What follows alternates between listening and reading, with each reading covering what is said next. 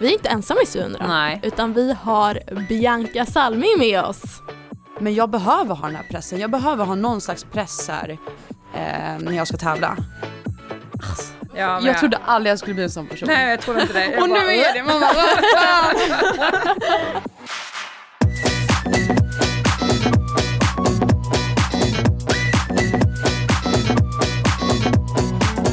God morgon Maja. God morgon, hur mår du? Eh, jag mår bra. Har du träningsvärk? Det är det jag, jag skulle fråga dig om Aha. du hade träningsvärk.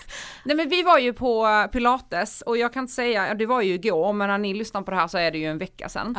Ja. Ehm, och eh, jag har ju kört en typ av pilates innan, jag har ju kört på B-core.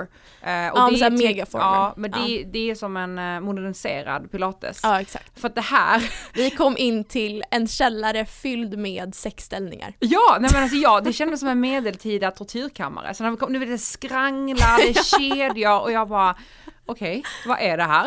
Eh, men jag blir ju också lite så här, eh, nej men jag blir pirrig för att jag inte vet vad som kommer hända. Exakt. Så jag blir så här, okej, eh, och så när hon står och förklarar, hon är, var väldigt, hon var väldigt bra, Ja, Jamie. jättebra. Och så, eh, hon heter Corestar på Instagram om ni vill kolla in henne, riktigt, riktigt duktig. Pedagogisk och Ja, bra. Hon pratar lugnt och jag var bara så här, oh, okej, okej. Jag, jag märkte hur min så här treåringshjärna kom igång, Mm. att jag inte lyssnar på instruktion utan jag vill bara köra igång.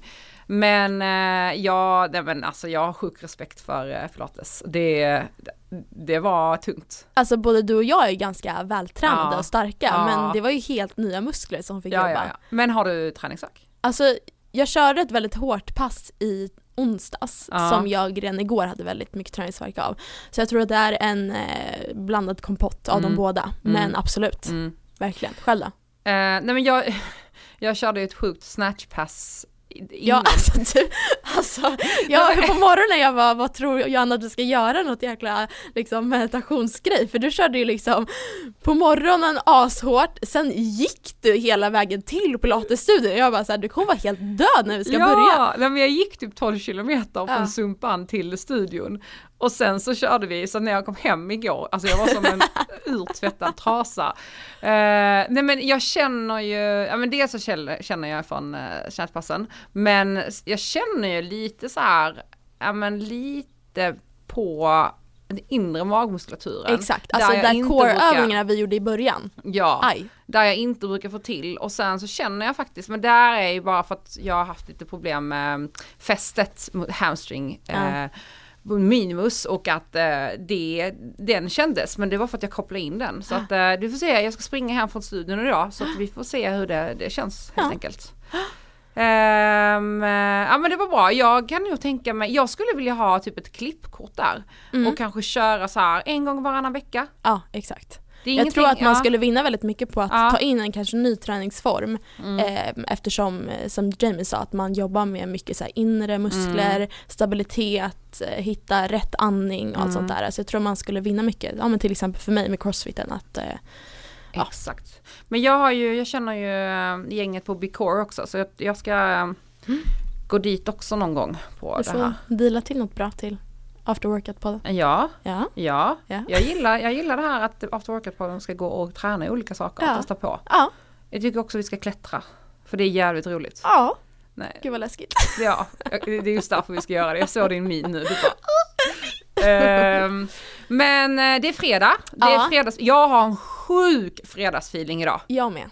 Alltså det, det pirrar i kroppen. Jag Ja. berättade innan att jag, eh, jag ska ut och käka på rekord ikväll och sen så ringde jag, eller jag skrev med eh, ett annat gäng som jag ska gå och käka med imorgon. Mm. Eh, och det visar sig att vi har ju bokat rekord imorgon också så att jag ska på rekord i två dagar i rad. Mm. Eh, men det blir kul.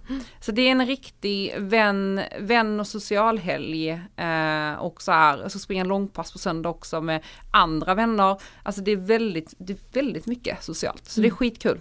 Och jag tror vi också har eh, väldigt mycket fredagsfeeling för vi har ju, vi är inte ensamma i. Nej. Utan vi har Bianca Salming med oss. Ja, Welcome, welcome! Tack så jättemycket. Hur mår du? Eh, jag mår bra, lite stressad morgon men som sagt det är fredagsfeeling så att, Ja. eh, jag är taggad. Solen strålar, alla är på bra humör. Ja men det känns som det. Ja. Det känns som att eh, folk har liksom så här börjat leva upp igen. Mm. Det är riktigt roligt, alla man pratar med är typ pepp. Mm. Det kändes när man gick på gatan, jag sprang ju då på gatan här fram, men det kändes som att alla var uppe och taggade och Ja, glada ja. och solen lös. Så att, ja, det är Ja. kul. Mm. Vad har du för eh, helgplaner? Helgplaner, ja vad ska jag göra? Det är lite fira min brorsa och min brors son och ja, det är mycket socialt också. Vilket jag känner, jag är lite trött så du vet man är lite såhär, åh nej, du vet, lite panik. Men så träna lite också, jag tror att det kommer bli väldigt bra till slut. Mm. Du är ju bjuden idag bara för att eh, du är en väldigt stor inspiration och eh, du håller ju på mycket med eh, friidrott, Mm. elitsatsar där eh, med inriktning mångkamp. Eh, kan inte du berätta, vad vad började din resa någonstans? Eh, ja, men till en början så har vi som familj alltid varit väldigt så här, idrottsintresserade och det har alltid varit så naturligt i vår familj. Eh, men hur jag kom in på friidrotten var väl som så att jag provade hoppa höjdhopp på idrotten i skolan. Och då sa min idrottslärare, ja men det här borde du nog köra. Och jag tyckte det var skitkul. Eh, så då provade jag och på den vägen blev det friidrott. Men det har inte alltid varit friidrott utan det har varit liksom hockey och dans och gymnastik och tills man är 15 och när man väl, då slutar det med att det blir friidrott bara. Alltså kul att höra ändå att eh, du uppskattar det där med höjdhopp i skolan för det är verkligen alltså, så här, traumaminne för mig. För att jag har så här, jättekort, korta ben, fick alltid vara den som så här, rev först och så bara ah, nej du har en chans till och så stod man där och hela klassen så här, verkligen så här, klappade och hejade och var så här, jag hade sån ångest inför de här, så här friidrottsdagarna när man skulle, ah för fan. Nej men alltså ni hade åtminstone friidrott. Ja. Vi hade ju bara handboll då jag Ja. är från Ystad. Okej. Och handboll är typ religion där nere. Okej. Så att eh, Ja, ja, nej, alltså, det hade varit kul att testa på någon gång. Men det är ju ganska svårt så här på idrotten att bara, ja men hoppa över en pinne, det är ganska Ja, men svårt. exakt. Ja. Så det blev nog ganska tydligt för min idrottslärare då att, ja men det här var hon duktig på för att det är ganska så här, ja man ser ganska tydligt om Ja, man har det gör känslan. Mm. Och du har ju inriktat dig på mångkamp. Kan inte Mm. du berätta vilka grenar är det? För det är ju, jag försökte liksom memorera men det är ju drös med grejer. Ja, det är alltid svårt när man ska säga så här också. Nej men det är sju grenar utomhus Mm. eh, och fem grenar inomhus. Så då är det häck, det är höjd, kula, eh, spjut, 200, 800 och längdhopp. Mm. Mm. Wow. Ja. Och om jag har förstått rätt så är ju dina styrkor 800, de har kast och sen så uh, höjdhopp. Exakt. Eller hur? Höjd har ju från start alltid varit min gren som jag Ja. var bäst på. Eh, och sen så märkte jag att jag var väldigt bra, eller ganska jämn i de andra grenarna också. Och sen så väldigt bra, som du säger, i kastgrenen. Ja. Mm. Gud vad kul. Eh, men jag måste fråga, för nu inför, var det inför i finkampen? Det var ju trekamp, eller det var ju väl, nej, men, Mm. ja var det, du, det var någonting annorlunda där du skulle köra? Eller det var inte mångkamp? Ja, alltså jag körde både trekampen Ja. och höjden individuellt. Okej, ja. Men trekampen var lite nytt för fin- finkampen då, då för att eh, de har ju bara haft individuella grenar Ja. så då har ju inte mångkampen haft någon chans att vara med riktigt. Åh, så eh, okej. så då var det en ny grej att de tog in trekamp vilket var väldigt kul. Eh, att man fick liksom, att de, vad ska man säga, uppskattar oss lite också så Mm. att man får känna sig delaktig. Kul! Ja. Jag undrar hur, eh, hur lägger man upp träningen inför så otroligt många olika grenar? För det är ju olika discipliner och eh, det, det är ju förståeligt att man inte kan vara bra eller bäst på alla. Utan det blir ju lite att man så här, det blir som att man har någon form av spetskompetens. Att man, har, man väljer ut lite det man är bäst på. Men hur tränar du? Alltså det är det som är det roligaste att eh, träningen är så ja, varierande. Ja, liksom. ja. Eh, det är det som gör det så himla kul. Men sen så om man vill bli bäst i Mm. mångkamp då måste man vara typ bäst i varje gren. Då ligger man nästan på högsta nivå i varje gren. Eh, men sen tar det ju ett tag att komma dit. Eh, men man tränar ju då, jag måste ju träna allt. Mm. Och sen så kan man eh, årsvis kan man se att ja men i år fokuserar vi mer på kanske snabbheten. Så det är väldigt, det kan vara väldigt olika inriktningar. Så här, antingen så tränar du det som du är bäst på Mm. och försöker bli ännu bättre på det. Eller så försöker du hitta dina svagheter liksom. Eh, och bli bra på det. Och det är kanske det jag gör just nu. Eh, min svaghet är inte så snabb. Mm. Eh, så det försöker vi jobba väldigt mycket på nu. Men såklart hålla i alla andra grenar också. Ja. Men försöka höja den lägsta nivån där.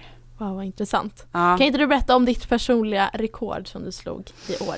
ja eh, i mångkampen då, då utomhus så slog jag mitt personliga rekord som var 6101 poäng. Alltså, Det är så sjukt imponerande. ja. Det är väl bara, vad är det? Du, du kom trea va? Ja, alltså, alltså, overall. eh, precis Ja. i, genom tiderna. Ja, exakt. Ehm, så att jag vann, det var då jag vann SM. Så det var ju väldigt så här, ja men det känns som att man kommer på pallen genom Ja, tiderna exakt. förstår. Först Det var är jag så femte. jäkla imponerande. Och det var så skönt för mig för att jag under året så har jag dragit en liten skada så jag körde Mm. ingenting inomhus och med alla som tränar vet ju att självförtroendet är det första som liksom går ner. Mm. Så det var så skönt att bara få bekräftat så här, bara, men bara jag får träna och vara skadefri så, så gör jag rätt liksom. Mm. Så att det var riktigt skönt och det känns som att det är långt ifrån vad jag kan få ut så att det finns mycket mer liksom. Potential. Ja. Wow. Mm. Vad har du för mål då? Eh, ja, långsiktigt så blir det ju nu liksom tre år till nästa OS. Ja. Eh, så det är ju mitt långsiktiga mål. Mm. Eh, men sen så är det ju tävlingar varje år. Till, till exempel nu vill jag kvala till inomhus-VM som är i Mm. Belgrad. Eh, och sen så kommer utomhussäsongen. Mm. Så det är alltid det som är så kul. Eh, folk som säger så här, men det är så långt till OS nu då. Men det, finns ju så mycket innan Ja. det som är nästan lika stort tycker jag. Jag måste fråga, hur stor var besvikelsen för Tokyo? Alltså den var inte så stor för att man hinner alltid processa liksom. Jag var Mm. skadad och känna så här: okej, ja visst det finns en chans Mm. men det kan bli svårt. Och det var mer typ som att så här, jag kämpade ju för att komma dit såklart men Mm. ändå så var det så här, mm, det var typ okej att det inte gick. Nej. Det är såklart jag vill vara där. Mm. Men det var ändå så här, rimligt att det inte lyckades. Mm. Och så är det. det. Man är inte den enda som inte kommer dit liksom. Och det är väl bara att fokusera på nästa. Men vi har haft väldigt, alltså det är jätteroligt, jag har haft så engagemang på lyssnarfrågor när det Ja. kommer till ditt nu avsnitt. Att, eh, och då är det många som har så här, ja men till exempel som den motgången eller kanske andra motgångar du har haft. Mm. Hur har du hanterat det för att inte så här, tappa motivationen och ändå liksom fortsätta sikta framåt? Mm, alltså jag har haft ett problem som jag alltid, som är så här i mitt huvud och det är att jag liksom alltid kollar tillbaka och bara varför gjorde jag inte bättre? Mm. Alltså du vet såhär man är perfektionist och bara varför var jag inte bättre i den åldern? Varför kom jag fyra på junior-VM? Ja. Och liksom grämer vi ganska mycket så. Men, eh, men det har jag försökt jobba på och motivationen har aldrig varit något problem. För, för att jag älskar att träna och kommer alltid vilja bli bättre eh, hela tiden. Och det grundar sig alltid med att jag bara älskar det jag gör så himla mycket. Så det har inte varit något problem. Men mitt problem har varit det här att jag ältar och bara varför gjorde jag inte bättre? Mm. Varför gjorde jag inte så här? Det kunde jag ändra på. Men jag kan ju inte ändra på det och allt, alla misstag som jag har gjort liksom, försök, så här försöker jag tänka, jag gör inte det. Men alla misstag som jag har gjort och det som jag känner att jag inte är nöjd med har ju ändå lett mig hit. Och jag tänker, eller försöker tänka att det kommer liksom göra att jag en dag hamnar där jag vill. Alltså jag lär mig hela tiden på vägen. Och hade jag inte gjort alla de här misstagen innan så hade jag förmodligen kanske inte varit här. Så så Precis. försöker jag tänka, men ibland när man ligger där och inte kan sova då kan man ju bli galen. Ja. Ja. Det är ju lätt att vara liksom efterklok och exakt. um, att leva i det förflutna och älta det. Mm. Men det är ju jättebra som du säger att ta med det som en lärdom istället. Att så här, Mm. okej men det är det som har tagit mig hit. Att jag Mm. har lärt mig av det och nu ska jag bara, nu fokar vi på framtiden. Och, Mm. Exakt, Det man kan inte nu. på det liksom. nej men exakt, Mm. spännande. Men du har ju liksom börjat elitsatta i väldigt ung ålder. Du är väl bara 22 år om jag har förstått det rätt? Ja, Ja. 23 november. Mm. Oh, spännande. Ehm, men hur har det varit för dig att eh, ändå, ja men kanske behöva sätta idrotten i första rum hela tiden och kanske har du känt att du har gått miste om så ungdomsåren eller tappat kompisar på vägen eller något sånt där? Ehm, nej, alltså det kanske var som värst när jag var 15 och sådär. Alltså Mm. jag, jag brukar säga, eller min mamma brukar säga att jag var väldigt ganska vild och galen när jag var yngre. Mm. Och, men sen så när jag kom, alltså vid 15-16 års åldern. Och då var det väldigt mycket kompisar och så som drog igen. Men grejen med mig har alltid varit så här att jag aldrig valt det istället för friidrotten eller idrotten utan det har liksom varit att jag försökt kombinera det. Typ varit ute till fem och sen så, ja men jag ska träna vid åtta. Och det funkar ju inte heller. Nej. men det har liksom ändå haft lite betydelse att jag skulle aldrig liksom utesluta friidrotten. Utan det har mer varit så att med åren så har det varit okej jag kanske inte ska vara ute till fyra om jag ska träna vid åtta. Mm. Typ så. Eh, och det var så stor skillnad när jag gick på träningsläger och bara åh nej nu missar jag den här halloweenfesten som man Ja. alltid missar varje år, eller nyår. Ja, Till att en dag jag bara åh tack och lov jag ska gå på träningsläger. Ja. Mm. Så att jag slipper allt det här. Och det var bara så skönt när den kom vid typ 16-17 års åldern för det var så här Folk tror bara, åh men nu missar du nyår. Jag bara, thank God. Alltså jag orkar typ inte vara hemma. Och då känns det verkligen så här som att jag inte går miste om. Jag får bara ut bra saker av att ha idrotten. Ja, Mm. vad härligt. Ja. Jag tycker det är jätteimponerande att du är så um, ja, men mångsidig. Mm. Eh, det är ju lite samma sak med typ crossfiten. Om Mm. man nu ska satsa på det. Det är också så här väldigt utspritt och jag tycker det är väldigt häftigt hur man Mm. kan, eh, eller hur Mm. du kan vara så himla bra på Mm. Allt. Ja men det är som är så kul. Ja. Ja, annars jag, är- alltså jag blir uttråkad om jag skulle köra på gymmet Ja. och vi har egen träning, då måste jag byta övning hela tiden. Ja. vet. Man blir så skadad. Men på tal om träning, hur ser liksom en träningsvecka ut för dig? Eh, det är väldigt olika beroende på vilken period jag är i. Mm. Men till exempel nu så är vi grundperiod mellan två säsonger. Eh, och då är det ungefär 10 pass i veckan. Eh, träning på morgonen, på eftermiddagen. Eh, och sen så har man ju sina dagar. Det här är som inristat i sten liksom. På måndagar är snabbhet. Tisdagar hopp, onsdagar gym. Så att man har väldigt mycket så här som vi bara rullar på. Ja. Vilken klubb kör du för? Eh, Turebergs FK. Ja. Eh, så att det är Sollentuna jag tränar. Mm, mm. Mm. Kul! Ja. Men eh, har ni, för ni periodiserar väl en del och ni har fått, vad är ni, vad är din nästa tävling nu? Det är januari. Det är januari, okej. Så nu, och säsongen slutade i september så att nu är vi mitt i grundperioden. Ja, mm. Och det här är liksom den bästa perioden jag vet. Mm, mm. Alltså det är liksom nu Men kan inte du berätta lite mer om så här ditt år, alltså så här, Mm. eh, hur du periodiserar, Mm. hur du lägger upp Jag det? tror folk kan vara nyfikna Ja, på det, hur man verkligen. lägger upp det. Ja men om man ska börja då, det känns som att man börjar ett nytt år i september. Mm. För då brukar vi ha en vecka helvila där man får göra vad man vill och då tränar jag allting annat som jag inte kan träna i terapiidrott.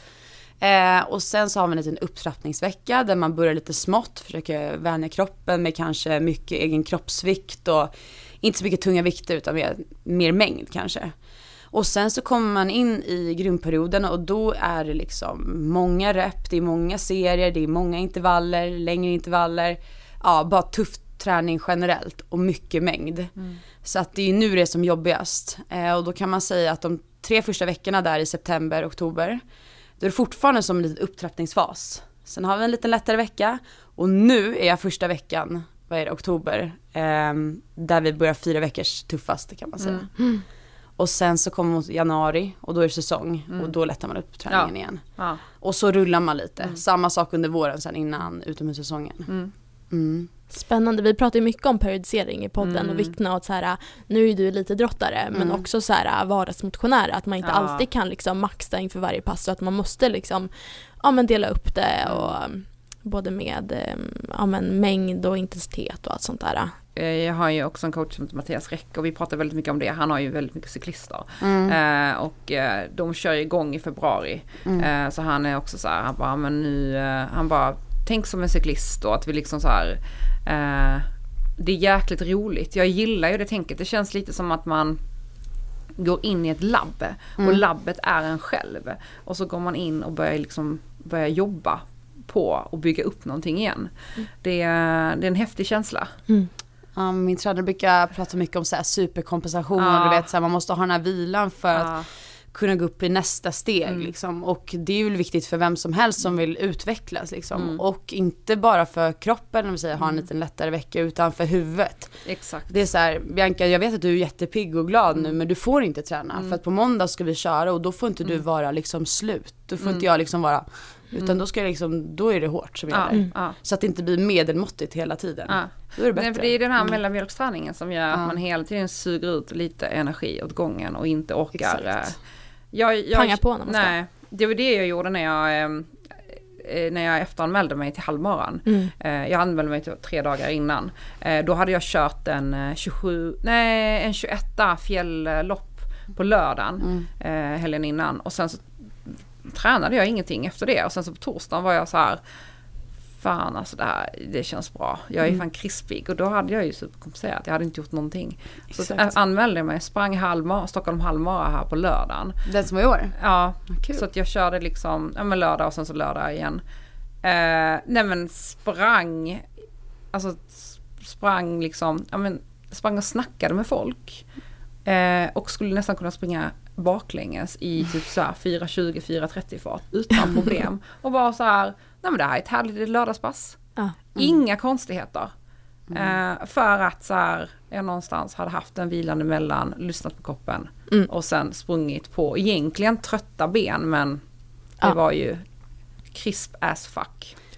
Nej men vi har, haft, vi har ju också så här ibland testveckor. Så då, som är den här lite lättare veckan. Och då är det vissa, några i min grupp som hade varit lite sjuka, inte jättesjuka men de hade varit tvungna att vila. Och de kom ju på den här testveckan och gjorde så bra resultat. Och jag bara, ni har varit sjuka, vad, vad fan händer? Men då har de har vilat. Exakt. Och min tränare så här, de har vilat nu, de är hur fräscha Ja, som helst. ja. Du har tränat på och det är okej. Alltså, så här, ja. Men det påverkar. Ja. Och då blir man såhär, jag bara, alltså, vad fan. man blir galen. Ja. För det är ofta så här när man är ja, men, elitsatsare eller verkligen vill ja, men komma vidare att man nästan inte vill vila bara för att man har någon slags mindset att jag måste bli starkare. Men vilan är ju så viktig med återhämtning att faktiskt eh, låta kroppen bygga upp sig själv. Ja, man tror att man tappar, att man, får, man tappar konditionen och Mm. man, man tappar muskelmassa. Det är det, alltså det, det går inte så fort. Det, det är många, det många tror när de tror att de tappar muskelmassa och, och kondition. Det är ju egentligen bara att de tappar, ja men det sitter i huvudet. Att det Ja. känns lite jobbigare. Men det, det, det får det väl göra. Ja. Ja men det säger min tränare också Mm. att det är det största problemet. Det är så här, du har, man tappar inte på en vecka. Nej. Typ innan en tävling och jag måste vila eller någonting så här lite ont. Ja. Han bara Bianca du hade kunnat vila hela den här veckan. Ja. Och du kan ändå tävla för du Ja. tappar inte någonting på en vecka. Nej. Alltså det är liksom, ja. Det är därför också så här, ni har era grundträningar, därför ni Mm. har era periodiseringar, för ni bygger upp det här under en längre tid. Mm. Och du har en grym bas att stå på. Sen det här, den här 10 procenten som är rörligt i toppskiktet, ja nej men Mm. Så mm. det är, jag tycker det är så otroligt viktigt för att många gånger så har ju när man pratar om så här hur elitidrottare tränar och hur vardagsmotionärer och elitmotionärer så pratar man, alltså man, man skiljer väldigt mycket på så, ja men det är en elitmotionär så man kan inte, man kan inte jämföra sig och det ska man inte. Men med tanke på att vi vanliga motionärer allt mer tränar som elit, att vi tränar otroligt mycket. All, allt fler amatörer springer lopp och springer väldigt bra lopp eller håller på med crossfit och liksom tar väldigt mycket. Så måste man någonstans också steppa upp sitt game kring hur man tänker kring träning. Ehm, och börja bli så här, dels träna smartare men dels tänka smartare kring träning och faktiskt så här, ta hand om sig själv och se sin kropp också som så här, okej det här, den, den ska utföra ett jobb någonstans. Mm.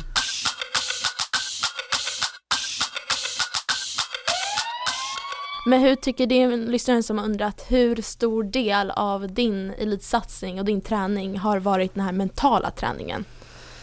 Eh, ja men väldigt mycket ändå. Eh, alltså jag skulle säga att det är nästan 50-50. Mm. Eh, om inte mer ibland.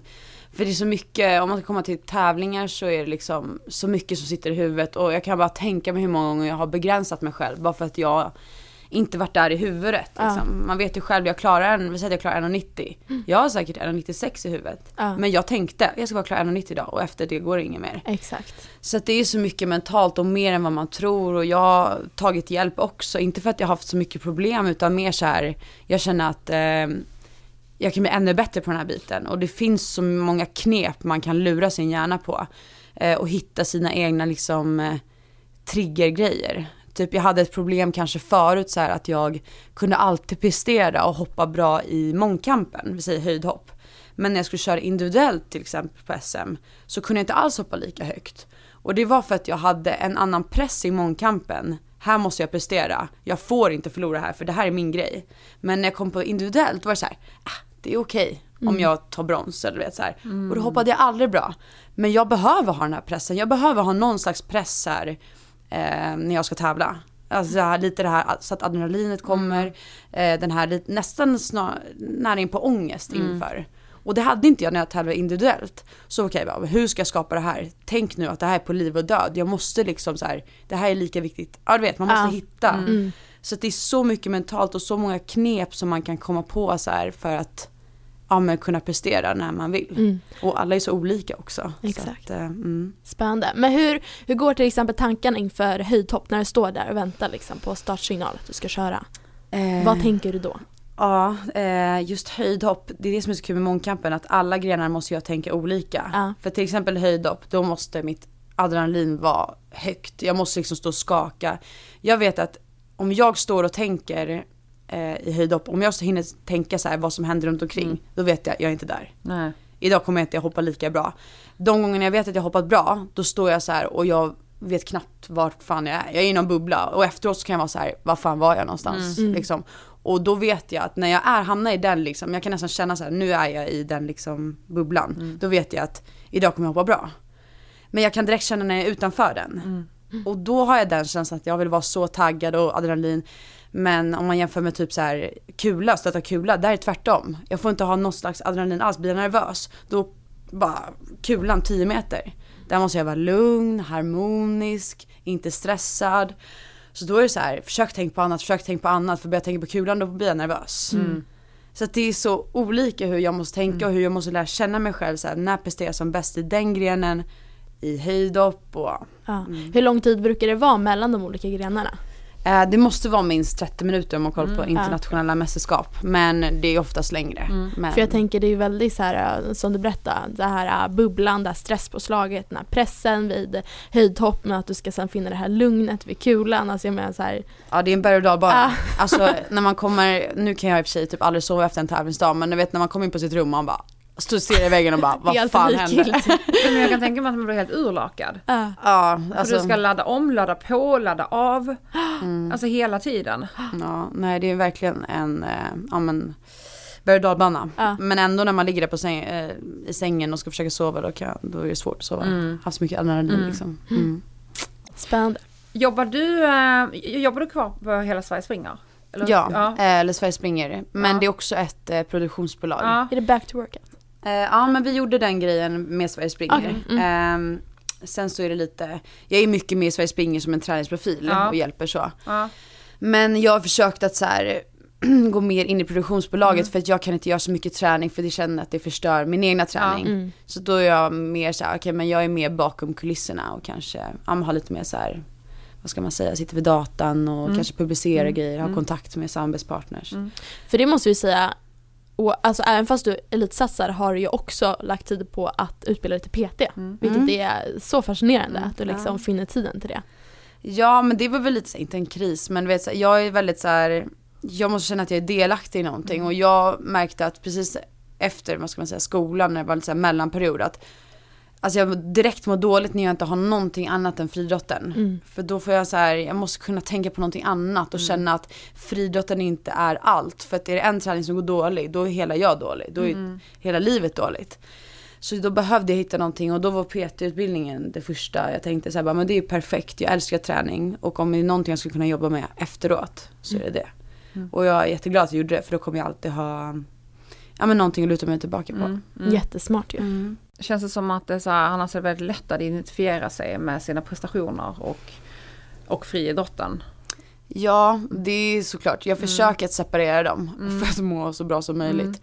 Eh, och, eh, men ja, det är väldigt, jag tror inte att jag är där idag, men förut var det väldigt mycket så här att hade jag hoppat dåligt eller om det gick sämre under en längre period, alltså då mådde man ju så dåligt så att ibland så hittar man knappt ut, man bara nej men jag, alltså vet man vill säga jag vill inte leva, alltså nu Nej. säger jag inte att jag skulle ta livet av mig, men jag bara nej jag orkar ingenting. Nej. Nej, Nej. Vem, alltså vet man tappar värdet för sig själv. Mm. Det är ju väldigt vanligt med prestationsångest, Mm. alltså när man är elitidrottare. Mm. Eh, och det har jag fått höra att både att det kan vara fördelaktigt som du säger att ha den här pressen inför en tävling och verkligen känna, okej nu tagga till liksom. Mm. Men också att om det inte går den vägen man vill, att man verkligen känner att man är ens prestation och identifierar sig Mm. så starkt vid den. Liksom. Mm. Ehm, har du försökt jobba på något sätt med den mentala biten? Att så här, äh, ja, men kunna urskilja dig själv som person och ditt egna värde från dina prestationer? Ehm, ja, jag tror att jag har liksom jobbat med det utan att jag ens tänkt på just det. Mm. Utan jag märkte att är jag nöjd med mig själv och mitt liv utan friidrotten eller utanför den, då kommer inte det påverka mig lika mycket, mina prestationer.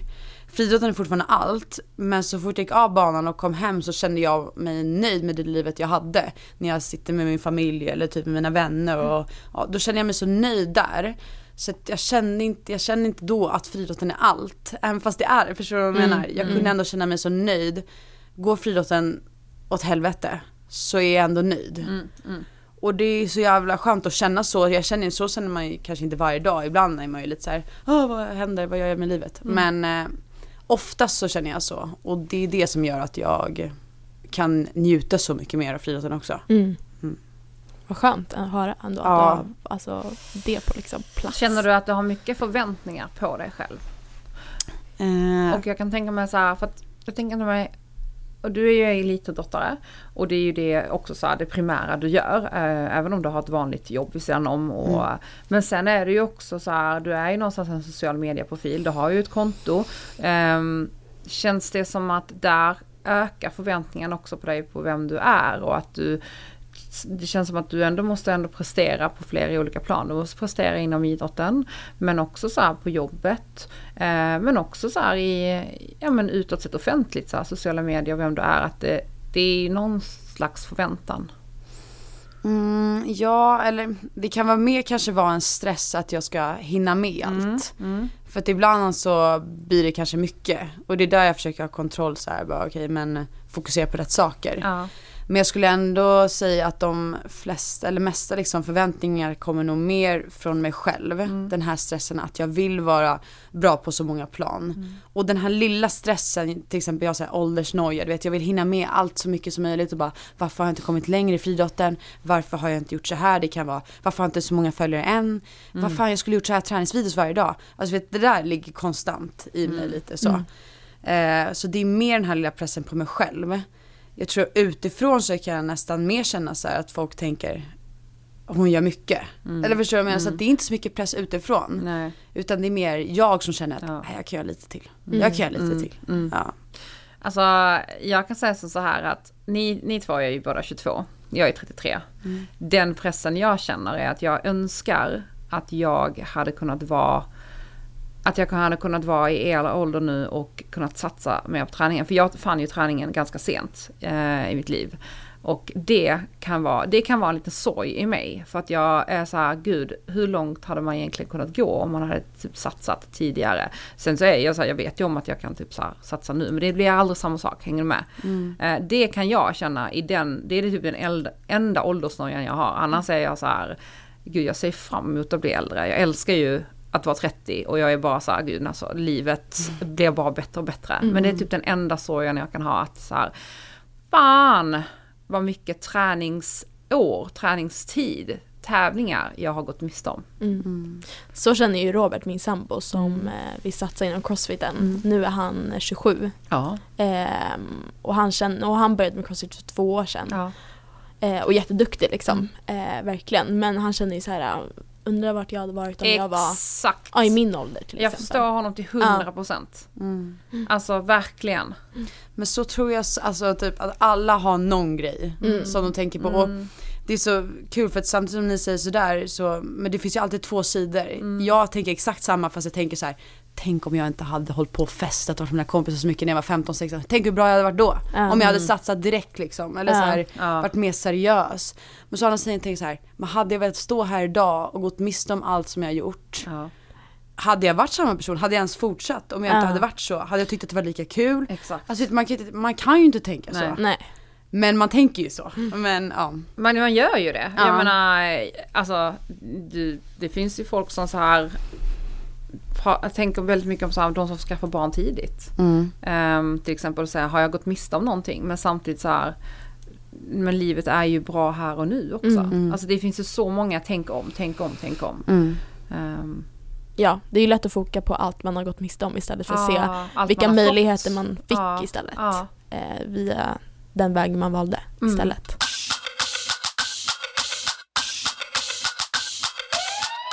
Men Bianca, jag är lite nyfiken på vad tror du är hemligheten till varför det har gått så bra för dig? Ehm, Man får ha hybris nu. Ja, verkligen. Ja. Kom igen nu. Ja.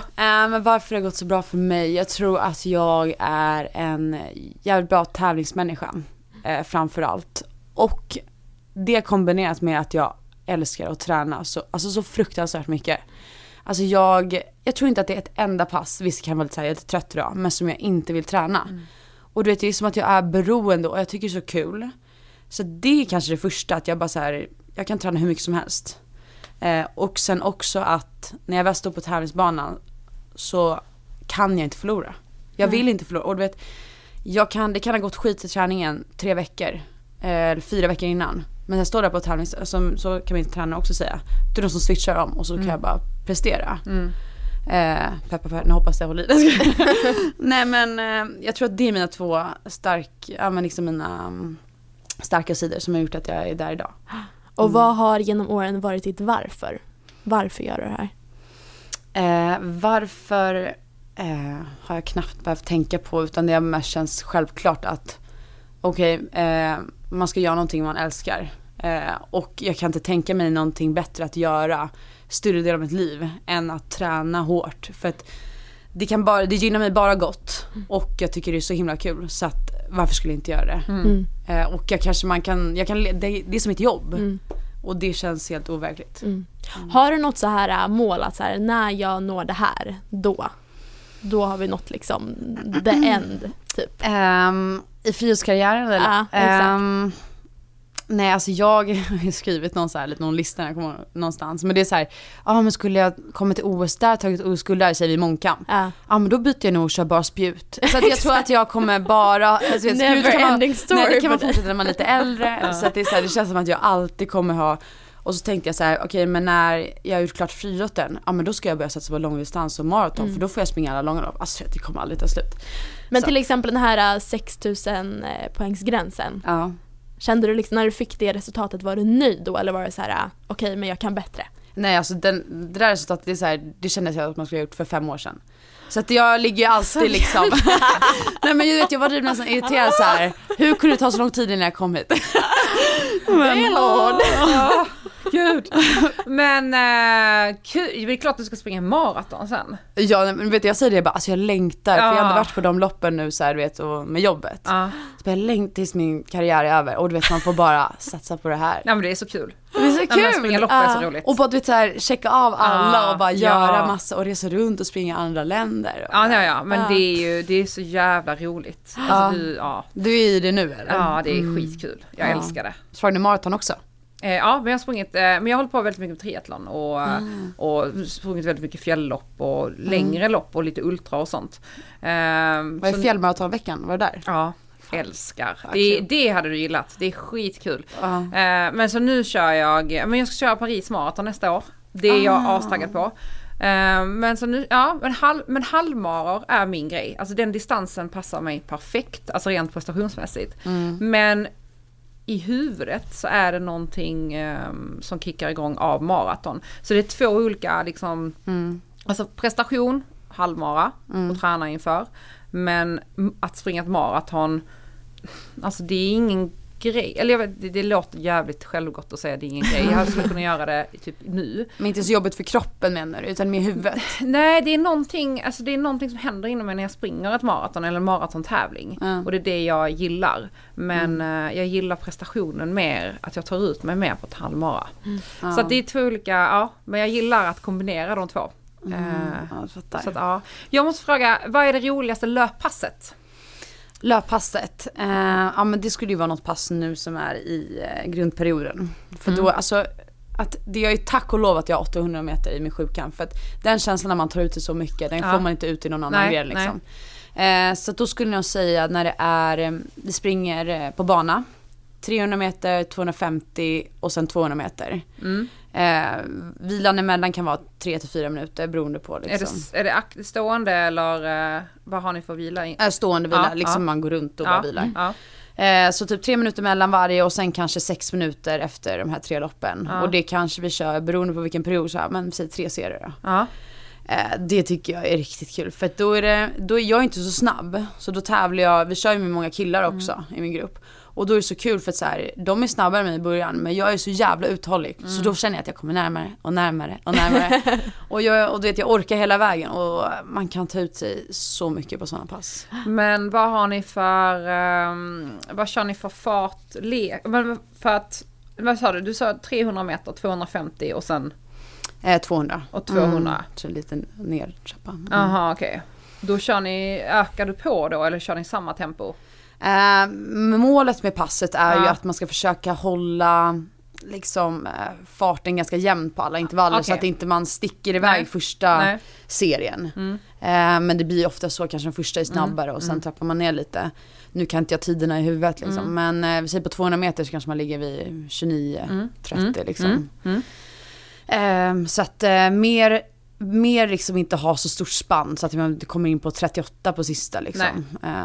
Eh, så att mer hålla så. Kul Mm. pass. Mm. Ja det är riktigt kul Ja. att vara på bana. Mm. kan nog, många bli inspirerade till. Ja, Ja. det är skitkul att springa på bana. Ja. Alltså faktiskt- verkligen. Man ska vara försiktig men eh, om man inte är van. Ja, Men det, man blir så snabb. ja. Ja, ja, man blir ju det. Ja.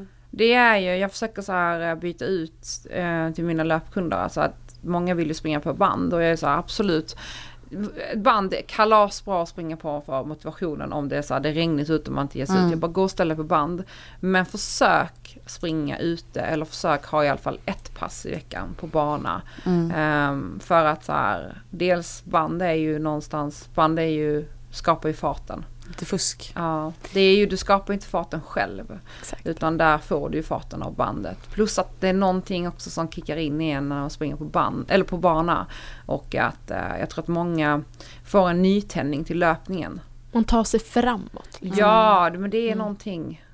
Ja men man kan liksom inte, jag tror, jag tror det är väldigt svårt att ta ut sig lika mycket på band. Ja, ja. Som på uh, att ha ett mål, jag ska springa Ja. där 200 meter, Ja. i sista intervallen, spring på band, då har du en fart, det är inte så att du orkar höja farten. Utan du kan verkligen spurta när du springer Ja. en uh, distans. Ja, ja, ja. Kul. Verkligen. Det är kul. Vi har fått in en lite längre fråga från en lyssnare som Mm. skriver så här. Hur upplever du att det pratas om vikt inom friidrotten? Har det någonsin påverkat dig? Har själv gått på skid, längdskidgymnasium och upplever en, att det fanns en outtalad tävling mellan framförallt tjejerna om att äta så lite som möjligt och träna så mycket som möjligt. Redan från tidig ålder. Och att ingen tränare slash ledare riktigt vågade ta i ämnet. Det var lite dubbla budskap där det pratades om hur otroligt mycket man behövde äta men samtidigt visste jag att alla visste ju alla att det gällde att ha en optimal kroppssammansättning för att prestera. Många gjorde ju det på fel sätt och fick sluta på grund av skador, ätstörningar, motivationsbrist, depressioner och så vidare, inklusive jag själv.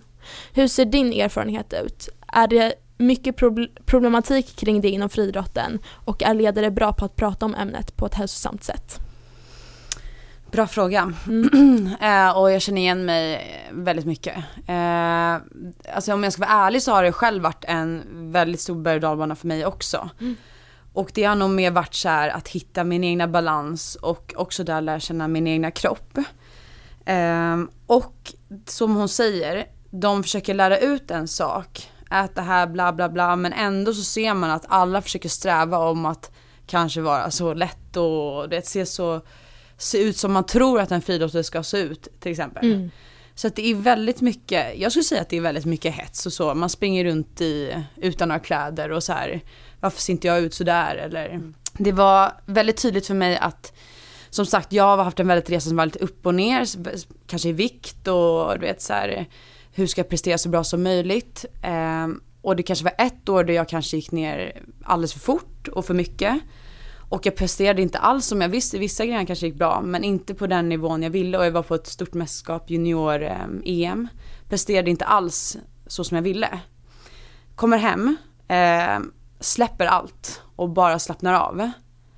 Fyra veckor senare presterar jag bättre, nu om man ska snacka viktmässigt då, jag lägger på mig kanske tre kilo. Eh, presterar och persar och hoppar högsta höjdhopp jag någonsin gjort. Så man är så skadad i hjärnan att man tänker att vikten har så mycket med, det är klart det spelar roll, men det är inte nyckeln till allt liksom. Bara för att du väger mindre eller är mer liksom lean och du vet sådär, så kommer inte det göra att du presterar bättre. Och det är det största felet som alla tror. Och min bästa sak för mig själv är att jag har slutat väga mig helt och istället liksom bara lyssna på min kropp och känna efter så här, hur känns det? Nu har jag kanske ätit och varit så här i två veckor, säger vi, tre veckor. Hur känns min kropp? Istället för att bara varje dag stå på vågen och bara nej, nej. Då kunde jag liksom säga, ja det kanske kändes bra idag. Men jag ställde mig på vågen och det stod inte rätt sak. Och då presterade jag dåligt. Och det var mitt största misstag och så många år som jag har stått så. Mm. Tills jag bestämde mig, jag ska prova en period och inte väga mig någonting.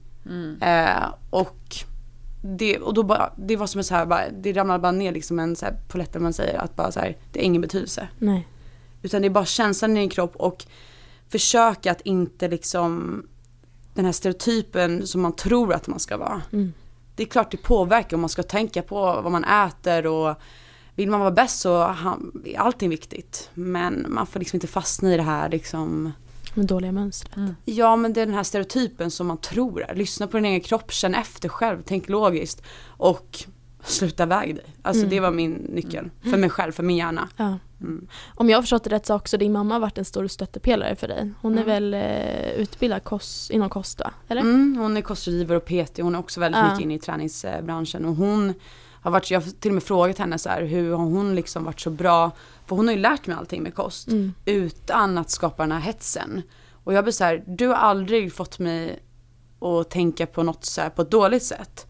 Eh, så det är väldigt mycket tack vare henne, det är snarare annat folk runt omkring som eh, kom- kommentarer och du vet Ja. så här som har påverkat mer. Mm. Tråkigt. Ja. Men hur, hur tänker du kring kosten idag? Eh, jag, det som också förändrade mitt tankesätt var mer att jag tänkte så här, vad behöver jag? Istället för att tänka, vad ska jag ta bort och, och så här, hur lite ska jag äta, hur mycket så här, utan mer så här, okej, vad behöver jag? Jo, jag behöver så här mycket protein. Eh, jo, men jag måste ha den här näringen. Så jag tänkte mer så här, okej, ehm, jag behöver mer protein. Alltså jag fokusera Mm. mer på det istället. Istället för att tänka så här, nej jag får bara äta så här lite eller bla bla bla. Ehm, så jag tänker väldigt mycket så. Och eh, om man ska tänka mer, lite mer exakt så var det mer så här, ät mer protein eh, och mer riktiga måltider som håller mig mätt.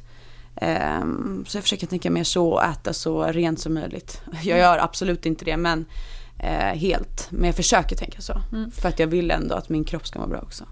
Det har vi pratat mycket om. Vi hade en dietist, eh, Caroline, här för två veckor sedan. Mm. Eh, pratade vi om ja, men kost och sånt där och Mm. att det alltid, eller 9, 99% av fallen så är det ju bäst att tänka precis som du säger att vad ska jag lägga till istället Ja. för att sätta förbud för, på sig själv. Mm. För då blir det ju lätt att hamna i såna här negativa tankemönster om, om kost och vikt och sådär. Mm. Ehm, att så här, tänk vad man ska lägga till, ät stabila måltider som håller dig mätt och ja, Ja, och våga äta. ja Mm. verkligen. Men det var någon som skrev typ en liknande fråga till mig som var någon tjej som var ung. Och då var det mer så här, för att ibland om jag tänker när jag var yngre så tänkte jag få så här ångest, åh nu åt jag så mycket. Men tänk istället, då försökte jag bara tänka så här, ja men bra jag åt ju bra saker. Så det var bara bra för min kropp. Istället för att tänka det här bara, åh nej, åh nej, åh nej, få panik. Utan så här bara, om du bara äter hälsosamma saker så gör ingenting. Och äter riktiga måltider och, tänker bara, ja men nu fick jag jättemycket näring. Och du vet så här, Och så ser det som ett bränsle. Exakt, jag behöver det. Ja. Och förmodligen om du har ätit mycket så behövde du det. Ja. Typ Ja. så brukar jag tänka. Ja. ja, för att man får ju inte heller bara ignorera kroppens signal. Alltså är man hungrig, ja det finns ju en anledning varför man är hungrig. Exakt. Mm. Det är ju, är man trött, ja det finns en anledning varför man är trött. Mm. Alltså det finns ju, kroppen säger ju till. Mm. Precis, lyssna bara. Det Ja. var det, bara, alltså istället för att vara så mycket ute i Ja. allt det här ute så Ja. bara Bianca, hur känns din kropp? Hur reagerar den på Ja. träningen? Vad har du gjort innan? Vad fick du så bra idag? Jo men jag gjorde det här. Ja, fortsätt med det.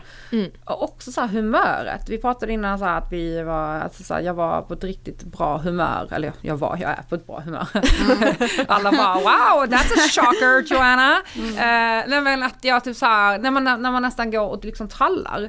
Och jag, var, jag vet att i början av veckan har jag varit så jävla sliten. För att jag har varit iväg i fyra veckor, haft mycket jobb och var definitivt inte på det här humöret. Och sen så nu under veckan har jag liksom så ställt till lite saker. Jag har varit hemma var, varje kväll. Eh, men igår gick jag och la mig klockan 10. Eh, men jag har gjort saker för mig själv och liksom hunnit återhämta mig. Eh, och liksom tränat bra, ätit bra, sovit bra. Eh, och tagit hand om mig själv. Vilket så här resulterar i att så här, ja men då går man och trudeluttar på stan. Fast att man har gått upp tidigt som fan idag och Alltså det är så här, hur mår jag? Mm. Ja, min kropp visar ju nu tydligt hur jag mår. Mm. Jag är liksom den här men triangeln vi brukar prata om. Den är, den har li, alltså lika långa sidor. För att jag har liksom tillgodosett allting. Mm. Så äh, liksom, ja fan, tänk Tänk inte på vad andra känner och hur det ser ut utåt utan tänk inåt och var så här, hur känner du? Verkligen. Mm. Det pratade vi om förra veckan, mycket lyssna inåt. Jag hoppas Ja. att många Ja, lyssnare har tagit med sig det. ja.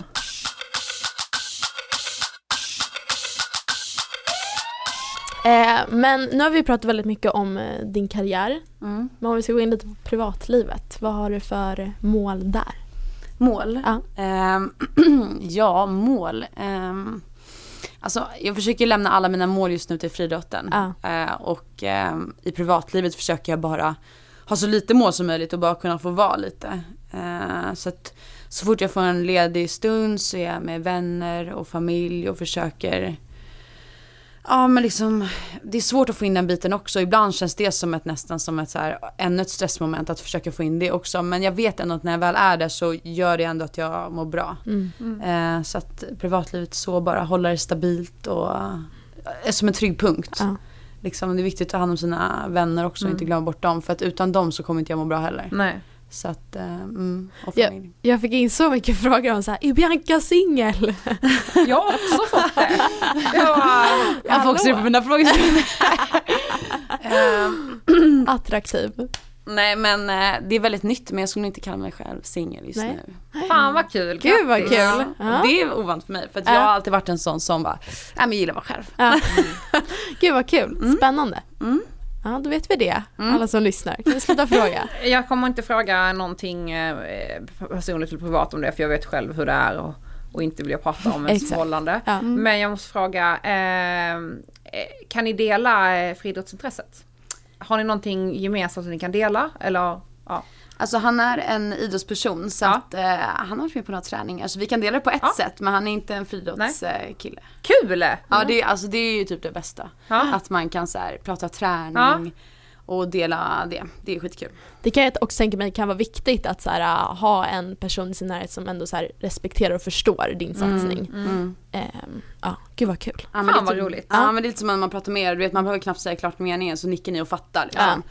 Det är ganska skönt att bara Ja. ha någon som Mm. Inne i samma. Mm.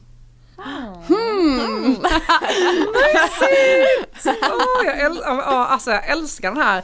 Och så den här feelingen i början när det är nytt och det är pirrigt och det Ja. är, man är liksom... Man mår ju skit också var tredje sekund men det är bra, för det mesta är bra. Ja, ja, ja, Ja, det är verkligen berg och dalbana. ja, Ja, men ni båda har förhållande? ja. Ja, mysigt. Ah. Är det nytt eller är det varit tillsammans länge? Nej, Nej. men vi har varit tillsammans i snart två år. Ja, vi har ju varit tillsammans lika länge, länge, eller, ja. ja, med våra respektive. Ja, Och eh, Johanna är ju förlovad och ska gifta sig. jag är ju jättenykär. Ja, du är det fortfarande? Ja, ja, gud ja, jag är ju... Jag med måste jag ju då säga. Robert sitter där och lyssnar och bara hon säger ingenting, hon är knäpptis. vågar inte komma hem ikväll liksom. nej, men, eh, nej men jag är ju den här jobbiga människan Ja. som man ser som, ja men vi går ju fortfarande runt och hånglar överallt och tar på varandra och helt, Ja, jag trodde aldrig jag skulle bli en sån person. nej jag tror inte det. Och nu bara- är det mamma. Men det är, ja det är kul. Det är det. Ja. det är Men alla vi har ju någon nu som vi delar intresse med. Alltså jag, jag och min kille springer ju väldigt mycket ihop. Och eh, ni kör ju crossfiten ihop, har det. Eh, ni tränar ju också ihop. Och jag tror det är så här, man behöver inte dela allt för jag tror också det är viktigt att man har sitt egna. Men jag tror att man har någonting som binder samman och knyter Mm. samman och får en att så här, gud, man vi kul är tillsammans. team. Ja, att man har kul. Mm. Man bara så gud vi är ett team här. Vi har någonting som ingen annan, att man är liksom man är ett stadigt torn och så får det andra svaja hur mycket som helst. Mm. Det. Nej det är verkligen. Nu eh, såg jag framför mig Game of Thrones torn. Jag försökte så här, vad är det för bild av ja, det, det. ja, Ja, roligt. verkligen härligt. Vem eller vilka har betytt mest för dig inom ditt idrottande och varför? Um, ja, men för, den första jag tänker på är såklart min tränare, eh, Vlado heter han. Eh, han kom från Montenegro, så han heter Vladimir Petrovic. Eh, nej men han, eh, han har nog varit den som var viktigast, för jag böt till honom när jag var redan 12-13 år. Och det var en ganska stor grej, för att man var i en sån här eh, stor grupp med många män, liksom, eh, liksom i min ålder.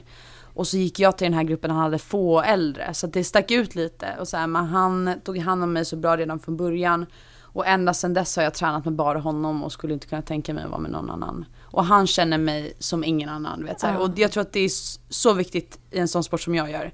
Att när jag är där på banan och jag håller på att tappa det totalt. Då ser han på mig, det är en sekund och bara Bianca, gör det. Alltså du vet, någon som bara känner en. Fint. Ja och, ehm, och jag träffar han liksom mer än vad jag har träffat mina föräldrar. Och vi träffas varenda dag. Tre, ja, fem timmar om dagen. Ja. Det är ett mirakel att vi inte har dödat varandra. Vi har gjort det nästan ibland. Men, men det är liksom sjukt hur man kan känna en person så bra.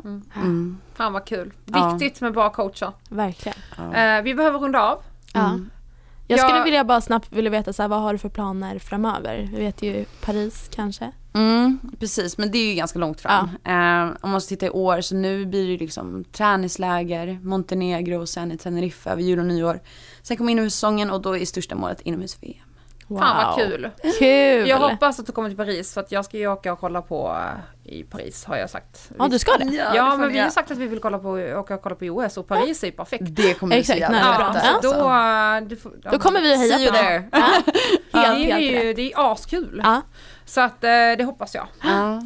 Eh, tack så jättemycket för att du ville vara med. verkligen. Själv. Tusen, tusen tack. Ja. Mm. Eh, jag vet att det här avsnittet är väldigt eh, uppskattat av många. Ja, det väldigt många som blev väldigt glada när vi sa att vi skulle ha med dig. Så Ja. att, eh, Ja. Otroligt roligt. Och var hittar man dig?